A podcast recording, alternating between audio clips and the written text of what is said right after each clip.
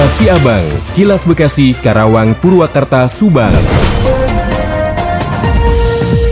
Dari Subang dikabarkan dampak El Nino menyebabkan pasokan air terbatas terutama untuk irigasi pertanian di beberapa wilayah Kabupaten Subang khususnya di Pantura. Akibat kekeringan ini, petani di Pantura membutuhkan embung atau cekungan penampung untuk mengumpulkan mata air yang dapat digunakan untuk pengairan dan meningkatkan produktivitas pertanian. Kepala Bidang Pertanian Kabupaten Subang, Nana Supriyatna mengungkapkan bahwa embung merupakan salah satu solusi pertama dalam menghadapi kekeringan di Pantura. Sementara itu, Dinas Pertanian pun telah lama menjalankan program pembuatan embung, tetapi Nana menjelaskan bahwa pembuatan embung terkendala oleh lahan. Saat ini satu-satunya embung telah dibangun berada di Kecamatan Compreng, sedangkan embung lainnya belum dibangun karena masalah lahan. Nana menjelaskan bahwa jika kelompok tani mengusulkan pembuatan embung, Dinas Pertanian dapat mengusulkan lagi ke Kementerian Pertanian. Namun hingga saat ini belum ada kelompok tani yang mengajukan usulan pembuatan embung di wilayah Pantura karena terkendala lahan. Nana juga menekankan bahwa embung bukan hanya berperan berperan dalam mengatasi kekeringan tetapi juga dalam penanganan banjir karena air dapat ditampung di embung tersebut. Demikian Tika, GSP Radio Pamanukan mengabarkan untuk Kilas Siabang.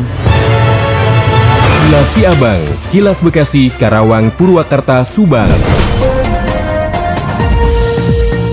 Diinformasikan dari Karawang, sebanyak 10 kios di pertokoan perusahaan jawatan kereta api atau PJKA Kabupaten Karawang ludes terbakar. Kebakaran tersebut diduga bermula dari pembakaran sampah. Dikatakan oleh Komandan Regu 3, Pleton 3 Pemadam Kebakaran Badan Penanggulangan Bencana Daerah BPBD Karawang, Cecep Jenny. Pihaknya mendapat laporan kebakaran sekitar pukul 19.30.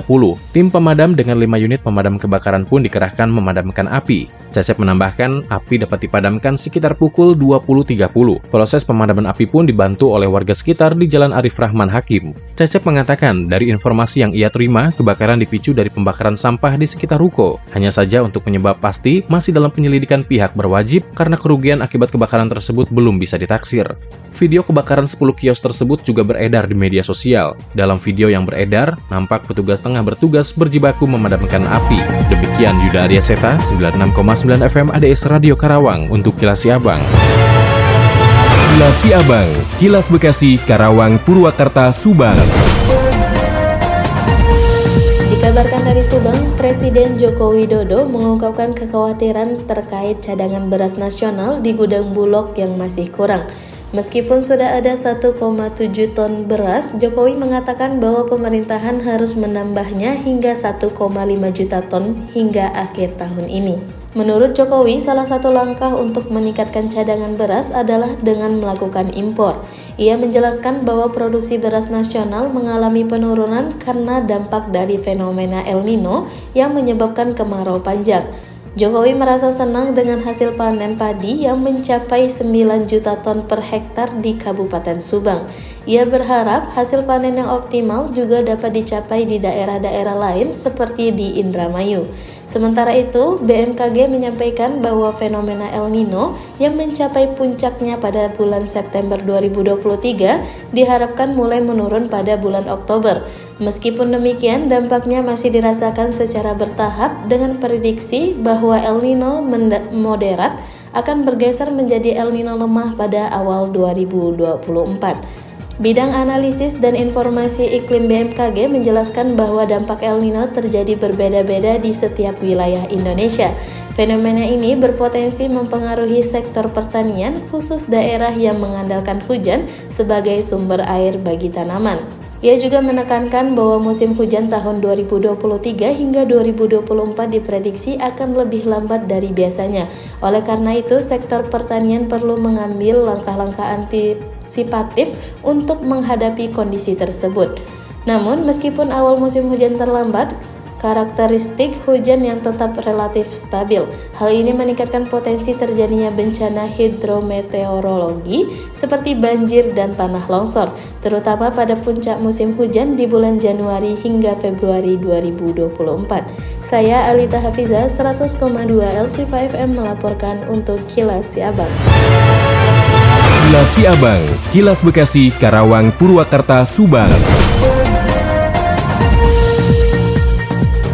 Pelebaran jalan inspeksi Kalimalang untuk menjadi dua jalur masih terkendala bangunan liar atau bangli yang belum semua bisa dibongkar dan diratakan.